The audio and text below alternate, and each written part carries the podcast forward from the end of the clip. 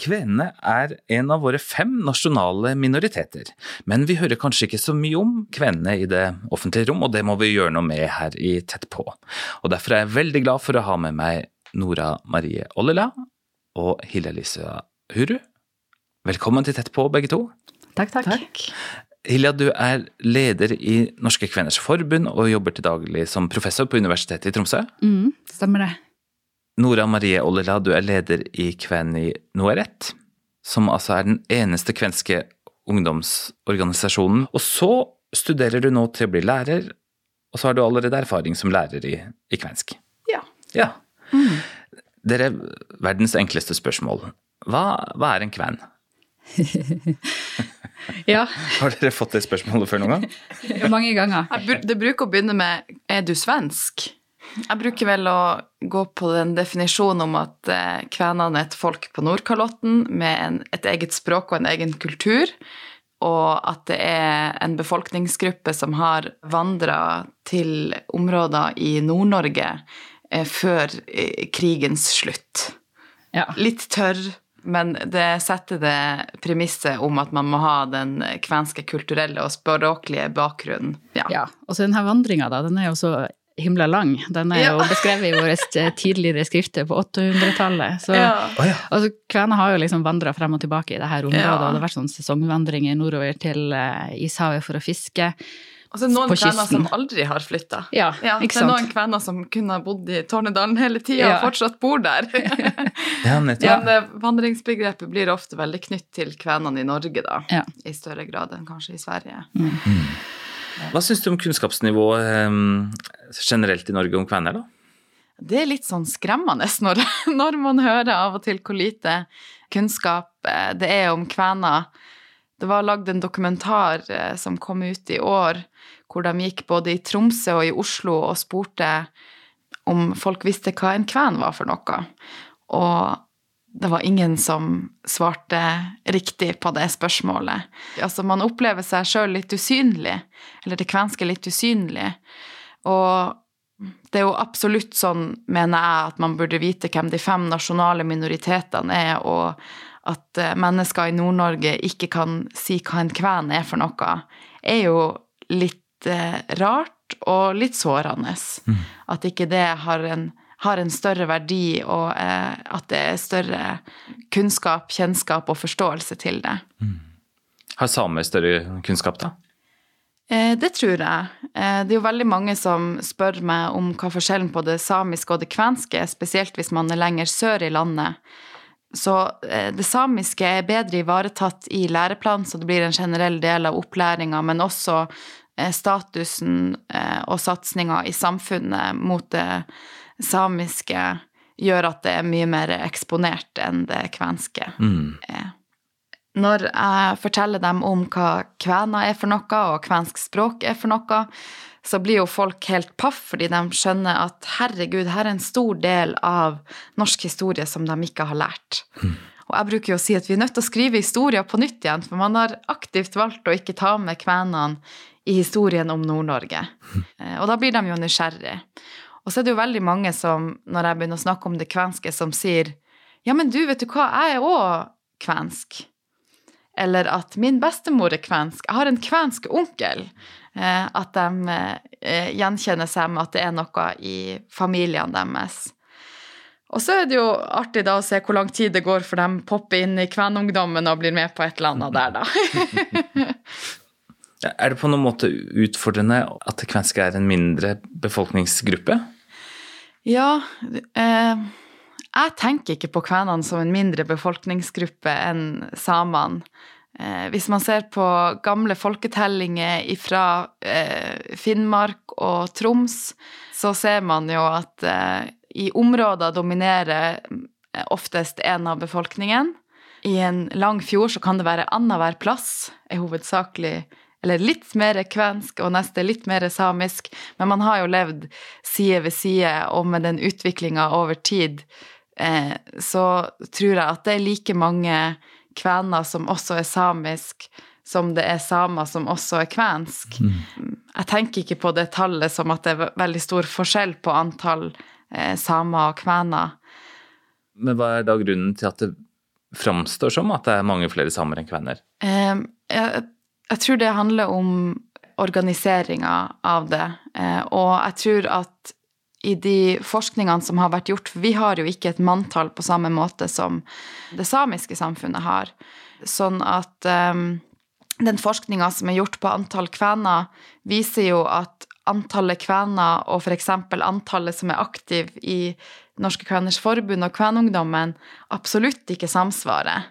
Så jeg tror at det er veldig mange som har den kvenske bakgrunnen som forskninga ser på, men som ikke aktivt kjenner seg som kven, eller aktivt er kven, eller som vet at de er kvensk. Mm. Veldig mange som jeg møter, finner ut at de er kvensk eh, gjennom slektsforskning. Kanskje en besteforelder blir dement og begynner å snakke et annet språk. Eller at en bestemor nesten har hviska det til dem. Ja da, vi er nå kvensk, vi òg. Ja. Og fornorskninga har jo vært vellykka og satt sitt preg da, når man såpass mye har lagt fra seg sin identitet og kultur. Og så har, går det da til ungdommen som jeg jobber mye med, da, som eh, tar tilbake noe det identiteten sin. Mm. Mm. For hvordan merker du det? Jeg møter jo mange ungdommer som jeg ikke kjenner foreldrene til. møtt foreldrene deres i organisasjonsarbeidet enda. Og gjennom deres historier eh, så er det jo det her med at man ser at det er mange innganger til det kvenske. Og Hilja også har jo en sånn inngang, at hun som ungdom tenkte nei, nå er jeg kvensk, og nå skal jeg jobbe for det kvenske. Mm. Og på samme måte var det jo litt sånn for meg også at eh, For jeg jo kun, kan jo jobbe med det samiske også, men av at jeg har det kvenske språket og ser hvor trua situasjonen det kvenske språket er i, og at jeg opplever at det er mer behov for meg i det kvenske samfunnet fordi at det er mer trua språket er mer trua, og kulturen er i en mye dårligere situasjon, og rettighetene eh, til kvenene er svakere og mindre talt. Mm. Vi er jo veldig mange som bor i Nord-Norge som, som, har sammensatt bakgrunn, da. Slektstreet vårt er jo, er jo, sammensatt. Og Nora, det gjelder jo for deg òg. Ja. Jeg er en del av eh, flere kulturer og med, har også en sammensatt bakgrunn. og bruker Bente Pedersen sitt eh, nydelige begrep Nordkalott-cocktail. jeg har det deiligste fra Nordkalotten. og det er? Ja, det er både eh, norsk og finsk og samisk og kvensk. Og litt svensk. ja. Hvordan tenker du da? Tenker du at ok, her må man finne fram kalkulatoren og dele opp brøker, eller? Eh? Ja, jeg som Hilja er jo glad i matematikk, men så glad i matte er jeg ikke at jeg har delt meg sjøl inn i prosent og brøk. Sånn at jeg ser litt på meg sjøl at jeg er helt alt. Eh, helt kvensk og helt samisk. Jeg ser på meg mennesket litt mer som mosaikk enn en brøk. Ja. En brøken har ikke gått opp hos meg når jeg har prøvd. Nei, altså Man skal ikke bruke brøker på identitet. Og det er det som er så fint med identitet, at man har plass til nesten uendelig mange identiteter, og de er hele alle sammen. Så man er jo kven og same, nordnorsk, men man er også matematiker som meg, og man mm. har alle de her identitetene som, eh, som man kan være fullt og helt. Mm. Jeg er jo veldig opptatt av at jeg er flerkulturell og veldig stolt over å være flerkulturell. Jeg tenker at det er en kjempestor berikelse for meg sjøl. Og med språk så er det jo veldig innarbeid at det er bra å lære ungene så mange språk som mulig. Men man har ikke kommet dit hen ennå at man eh, tenker at det er bra å være en del av så mange så kulturer som mulig. Det er en like stor berikelse som en språklig berikelse er. Eh, og jeg husker jo sjøl når jeg begynte å virkelig skulle sette ord på det kvenske for meg sjøl i ungdomsårene, så var jeg hos bestemora mi, og så spurte jeg henne da skulle jeg finne ut av ting. Hva er hva? Og jeg skulle skille det her veldig kraftig for meg sjøl, sånn at jeg hadde kategorisert det og kontroll over alt. og gikk og peka på ting og spurte om mattradisjoner og denne måten å bygge badstue på, er det finsk eller er det kvensk? Eh, denne måten å koke kjøttsuppa på, er det samisk eller er det kvensk? Og veldig ofte så svarte jo hun bestemor da at eh, nei da, det her det er både det er en samisk og kvensk måte å gjøre det på, eller det her er både en finsk og kvensk måte å gjøre det på. Og hun kategoriserte veldig, veldig få ting, at det skulle bare tilhøre én kultur. Eh, og det var en litt sånn aha-øyeblikk for meg, for da forsto jeg hvor stor sammenheng det var mellom kulturelle uttrykk, og i de områdene hvor jeg kommer ifra, f.eks., så er det vanskelig å skille mellom sjøsamisk og kvensk kultur. Så jeg tror at selv om du kanskje ikke tenker det, så er det mange ting i ditt liv med din samiske bakgrunn og kultur som eh, også er kvensk. Mhm. Du bare har ikke tenkt på det. Ja. du har ikke spurt noen som har sagt at det tilhører flere kulturer. Eh, og samene og kvenene har levd eh, veldig tett på hverandre og har samhandla i eh, områder eh, over veldig lang tid. Mm. Og i en bygd så har man sett den beste måten å sy sko på så har hele bygda gjort det på den mest effektive og beste måten. Og måten man tørker fisk på, så har man valgt det som var mest effektivt og best for det området. Så man har lært av hverandre, også kulturene, eh, før vi er kommet til i dag, da, hvor vi begynner å kategorisere og skille dem. Ja. Så man må heller tenke at det, er litt, eh, det også er litt mer flytende. Mm. Det er ting som kun er kvensk, og det er ting som kun er samisk. Men jeg syns også det er viktig å anerkjenne de tingene som er felles, for det er en så stor del av historien på Nordkalotten, det fellesskapet og det man har utvikla i lag og eh, lånt ifra hverandre. Eh, så det, det, er mye som er felles også. Mm. Mm. Hva består forskjellene i, da? F.eks. Eh, i reindriftskulturen så har du jo mye som skiller med at man lever som et nomadefolk, f.eks. Mens kvenene eh, er jo kjent for å være fastboende. Eh, og det er et helt klart skille. Og i klesdrakta kan man også se skiller. I dag er jo koftekulturen veldig utvikla og sterk. Eh, men tidligere så kunne en, en som prata kvensk og var kvensk og Eh, like godt gå i kofte. For det var det vanlige plagget å gå i mm. kanskje i det området, og praktisk og, og sånne ting. Eh, noen veier har vært skilt, men noen ting er også fortsatt sammen og felles, da. Mm. Men det er, det er viktig også å bevare de tingene som er forskjellige og særegent. Men jeg tror ikke man skal være så redd for å se også hva som er felles. Nei, nettopp. For det er mer enn det man tenker. Ja. Har du kofte? Ja. ja. Mm. Det er jo en spennende tid vi lever i på mange måter. fordi for første gang skal altså kvenene få framføre sin nyttårstale på NRK. Ja. Og den som holder talen, det er deg. Ja, det er jeg som gjør det. Ja, det er det. Helt historisk. Ja. Vi gjør opptaket nå rett etter at du har gjort opptaket til nyttårstalen. Ja, så jeg tok opptak i år i går. Ja. Mm. Hva valgte du å fokusere på der? Det jeg ville ta, ta tak i, var det her med det som skjer rundt bærekraft og klima i verden i dag. Og den arven vi har som kvener, og den kunnskapen vi har om naturen, og hvordan vi har brukt naturen eh, i forhold til det å ta vare på naturen og gi den videre til nye generasjoner også inni det her er jo det å ta vare på språk og kulturer, som jeg syns er, er, veldig viktig. Altså det er jo veldig viktig for oss kvener og, og, og for samer og for, for, mange små folk og kulturer rundt omkring i verden. Og man kan jo eh, tenke om det er det så viktig å ta vare på de her små språkene, men det er det. Det er kjempeviktig, mm. for det er en del av, av vår verdensarv. Ja. ja. Tenker dere at vi nå er i en tid for revitalisering? Ja, absolutt. Og man ser en sånn kraft hos kvener nå som har særlig kommet de siste årene. Og det som skjer innenfor uh, ungdomsorganisasjonen vår og ungdommer og det givet de har, og, men også hos kvener flest, uh, denne stoltheten med å være kvensk. Som, som, løftes frem også. At man, man gjør ting um, for å ta tilbake språket. Noen tar kvenskurs på, på, kvelden. Andre jobber med språket på en annen måte, altså mer sånn språkmedarbeider. Men også kulturelt kvensk teater, eh, kvensk film, kunst. Sånne ting kommer mye mer nå, og mm. det er noe nytt. Det er det. Ja. Men det er kjempebra. Ja. Dere har jo engasjert dere kraftig begge to. Hva har vært drivkraften deres for å stikke hodet fram og, og bidra til å gjøre et løft for de kvenske samfunnene? Eh, jeg vokste opp eh, med å være store deler av sommeren i Skallelv i Finnmark, hvor hele bygda snakka kvensk. Og så en eller annen gang på 90-tallet så døde de eldre kvenene, mange av dem bort, sånn som mine besteforeldre. Og da skjedde et språkskifte, og man begynte å snakke bare norsk i bygda. Og det tror jeg var det som vekka mitt engasjement når jeg virkelig skjønte det her, at nå hører jeg ikke kvensk mer, og jeg har hørt det hele oppveksten min, selv om ikke jeg snakker det sjøl, så er det noe har hørt, og som er veldig glad i, den lyden av kvensk språk. Og som gjorde at jeg nesten fikk litt sånn panikkfølelse. At hva kan man gjøre? Og det beste man kan gjøre da, er å engasjere seg og jobbe for det, for da føler man jo at man gjør noe bra for saken. Så, mm. Mm. Hvordan begynte du da? Nei, jeg begynte Ja, hva jeg begynte med? Jeg begynte med å stifte Kvæninåret, tror jeg. Ja, I 2008. Ja, da, Veldig god start. Ja.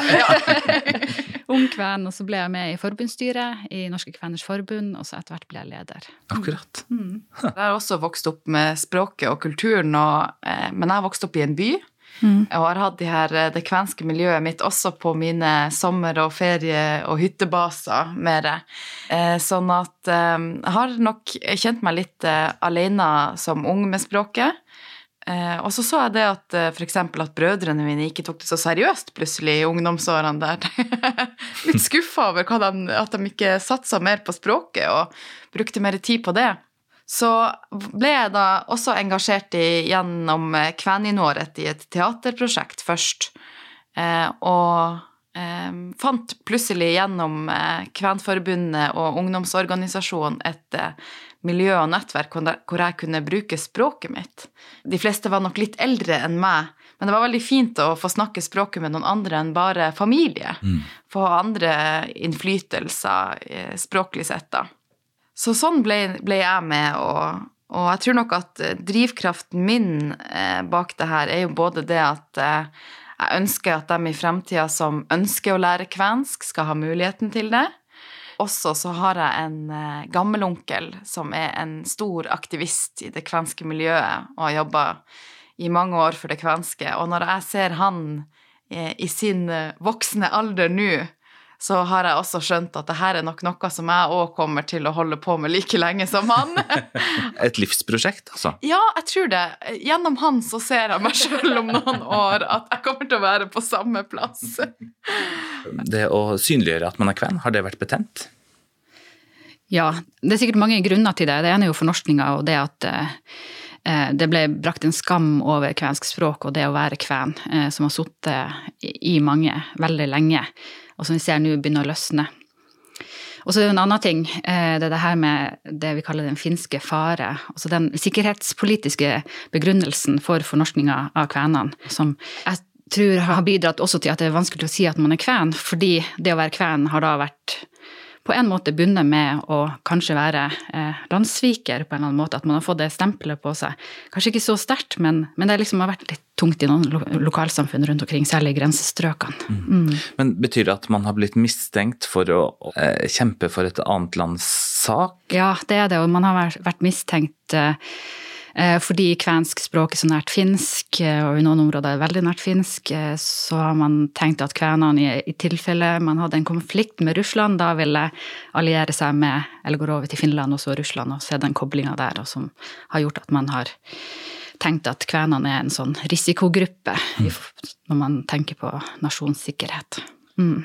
Jeg har hørt flere som heller har valgt å bruke begrepet finsk om seg sjøl enn kvensk, fordi at det var en større stolthet med det å være tilknytta en majoritetsstat enn å være en minoritetsgruppe som var sett ned på, og kven var et skjellsord.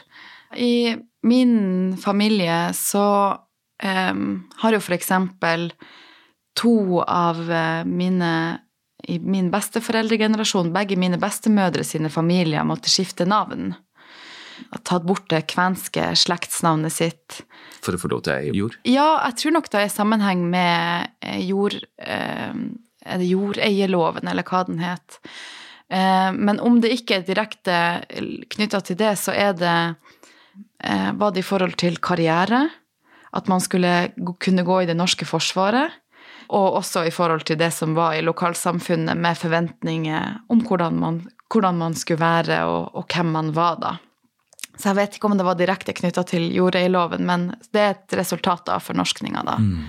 Så bygga, bytta eh, etternavnene skifta i begge mine bestemødre sine familier. Fra kvenske navn til, eh, til norske etternavn. Mm.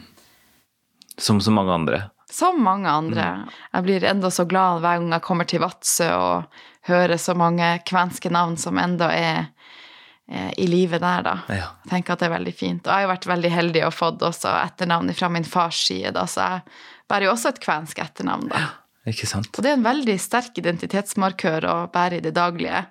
Det er fort noen spør ja, Ollila, hvor du er ifra. Ja. Hilja, du skrev en kronikk som du kalte det tause folket, kaller de oss kvenene. Mm. Hva ligger bak? Kaller, jeg vet ikke hvor det her kommer fra, først, det her, det tause folket. Men uh, jeg legger mye i det. Det er det at vi først nå har begynt å si at vi er kvener, virkelig åpent. Eh, også det at vi ikke har, på grunn av det, da, kunnet jobbe så hardt for våre rettigheter offentlig som vi kanskje burde ha kunnet gjort tidligere. Det er nok litt i kulturen og sånn som vi kvener er. Vi kan være litt tause, og ofte så det vi ikke sier, betyr mer enn det vi sier. Sånne ting. ja. Og så det her med fornorskninga og det å begynne å fortelle sine historier om hva som har skjedd under fornorskninga, som vi er nå inne i med Sannhets- og forsoningskommisjonen, som er veldig viktig at vi setter ord på hva som har skjedd. Ja. Eh, også det å sette ord på hvem vi er som folk, og hva er det å være kvensk, og alle de tingene mm. er viktige. Ja. Men det er veldig mange kvener sier, er at fornorskninga har vart mye lenger, og at jeg føler at særlig virkningene, og kanskje når man kjenner på som en type fornorskning, enda pågår med at vi må kjempe så hardt for våre rettigheter for å bli hørt. Vi har hatt en annen prosess, en litt kanskje forsinka prosess, med å ta tilbake vår eh, identitet og stolthet og rettigheter. Men også den her eh, finske fare tror jeg nok har prega det mm. Eh, lenger. Mm.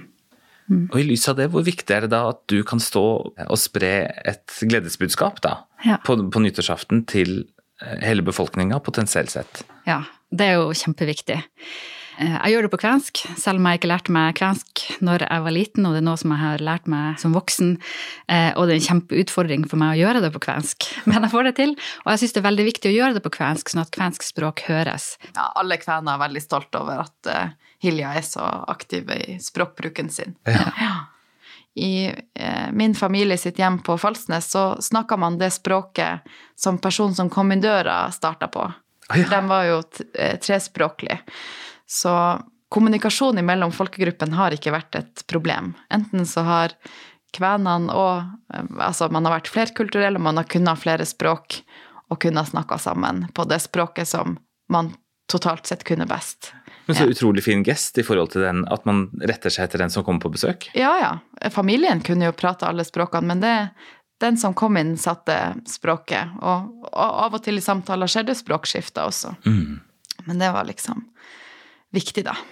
Hva lærte du om ditt eget folk på skolen, da? Det tror jeg var ingenting. Ja. Og det var ikke noe som ble snakka om når jeg vokste opp. Jeg husker første gangen jeg følte at jeg offentlig sa at jeg var kven, og det var i en spørreundersøkelse som vi fikk på videregående skole. Skulle, det var sikkert en helseundersøkelse eller et eller annet sånt der, hvor vi kryssa av etnisitet også. Og da følte jeg at nå sa jeg at jeg var kven, og var kjempestolt over det. Ja. og jeg vokste opp i Pasvikdalen. Mm, det er jo mange kvener i Pasvikdalen. Mm. Eh, og jeg trodde at jeg var den eneste som hadde besteforeldre som snakka kvensk. Men jeg har jo innsett som voksen at de aller fleste må jo ha det. Det var veldig rart. så, det, så lite snakka man om det. Det er helt underlig. Ja. ja. ja. Det som jeg kanskje opplevde i skolen, var jo at det var en litt sånn eh, streng språkpolitikk. Eh, opplæringsloven det har vært endra nå, da, takk Gud, men når jeg gikk på skolen, så sa den at eh, barn med kvensk bakgrunn hadde retten til opplæring i finsk. Så man ga ikke opplæring på deres eget språk. Nei. Skillet er så stort at eh, mitt uh, kvenske språk i stor grad faktisk ble vaska bort på skolen. Det ble retta på skriftlig hvis man brukte kvenske ord, og det var med på å ta ned statusen for meg til kvensk språk, men også forståelsen og respekten for mine foreldre og besteforeldre. For læreren sa jo til meg på skolen at det din bestefar sier, er ikke godt nok til et klasserom. De ordene bestefaren din bruker, kan du ikke bruke her. Det er ikke godt nok. Yes. Så det var en ganske sånn eh, Litt sånn slag i trynet. Men når jeg da var kommet på videregående, så fikk jeg en finsklærer som var fra Nord-Finland. Eh, så hun kjente igjen noen av mine kvenske ord, som jeg, de få som enda var der. Mm. og så eh, er hun også same eh, og snakker samisk, så hadde god forståelse for den her flerspråklige bakgrunnen min, da. Og fikk i hennes timer da for første gang lese mitt eget språk skriftlig. Mm. Det har jo for så vidt ingen, av, ingen andre i min familie gjort før da heller. Men da falt liksom blikkene på plass, og jeg skjønte plutselig at oi, her har jeg jo sluppet mitt eget språk for det her eh, politikken i klasserommet, da. Og um, bestemte meg den dagen for at jeg skulle gå på universitetet og studere kvensk. Akkurat. Så det første jeg gjorde etter videregående var over. Da skulle jeg ta tilbake det kvenske språket mitt. Og gikk på universitetet og skulle studere kvensk, og, og der møtte jeg jo Hilja. Ja. ja. og mange andre som språkbrukere, og, og, noen som ikke kunne språket fra før av. Nettopp. Men nå har jo eh, alle barn eh, retten til opplæring i finsk eller kvensk, så faget har endra navn, og opplæringsloven er endra. Så nå har kvenske barn retten på opplæring i kvensk. Nettopp. Ja. Er det en av grunnene til at du, at du ønsker å bli lærer? Eh, ja, jeg har nok hatt eh, en litt sånn um, vanskelig situasjon med opplæring i faget sjøl når jeg var elev i det, og også en av de få eh, elevene som har fullført det løpet i Troms. Eh, men siden jeg kan språket, så kjenner jeg nok på litt press for at eh, det er viktig å videreføre språket, og jeg ønsker jo gjerne å lære det til mine egne barn. Og en måte å bidra til den språklige revitaliseringa og utviklinga er jo å arbeide med språket. Hmm. Ligger det noen utfordringer i forhold til å få fremme kvenske spørsmål? Altså det her med at, at samene kanskje har en større plass, da? Ja, det som er utfordring for oss, eh, er jo at vi skal få lov til å jobbe for kvenske rettigheter. Sånn som vi har snakket om, så jobber jeg til daglig eh, på Universitetet i Tromsø. Så vi har ikke ressurser til å frikjøpe meg fra min vanlige jobb til å kunne jobbe som leder, f.eks. Så vi har veldig små ressurser til å ta vare på våre egne rettigheter. Og Norske Kveners Forbund er jo den som gjør det, som, som, som kan ta alle sånne små, små spørsmål og F.eks. hvis barn ikke får opplæring i kvensk sånn som de har rett til, så, så, er det vi som kan gjøre noe og hjelpe til og bidra. Og det er det jeg ønsker å gjøre, i mye sterkere grad. Men det må du gjøre på fritida? Ja, jeg har 20% stilling. Eh, men det kommer på toppen av alt annet. Så ja, det, nei, det er mye dugnadsarbeid for, for det kvenske. Og så er det det at vi det her med å kunne eh, være med og ta beslutninger i saker som angår oss, eh, det er en viktig sak for oss. Og det at vi ikke har eh, et eget organ for konsultasjon og ikke noen fast dialog med norske myndigheter, det er et problem, og det er noe vi burde ha hatt. Mm. mm. I mitt arbeid både i det kvenske og det samiske, så er jeg veldig opptatt av at eh, ingenting skal gå på bekostning for noe for det andre.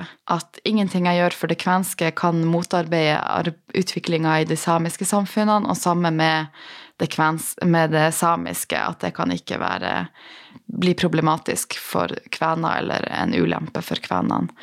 Eh, som jeg sa, så ser jeg på dem som likeverdige folk på Nordkalotten, og som eh, eh søskenfolk. Jeg tenker jo i arbeidet med det samiske i dag at man er i en så sterk posisjon at man har muligheten til å inkludere det kvenske der det er naturlig. Sånn som eh, Sannings- og forsoningskommisjonen nå, så er jeg kjempeglad for at man er sammen i det arbeidet. Og syns at man bør trekke hverandre frem der man har muligheten til det.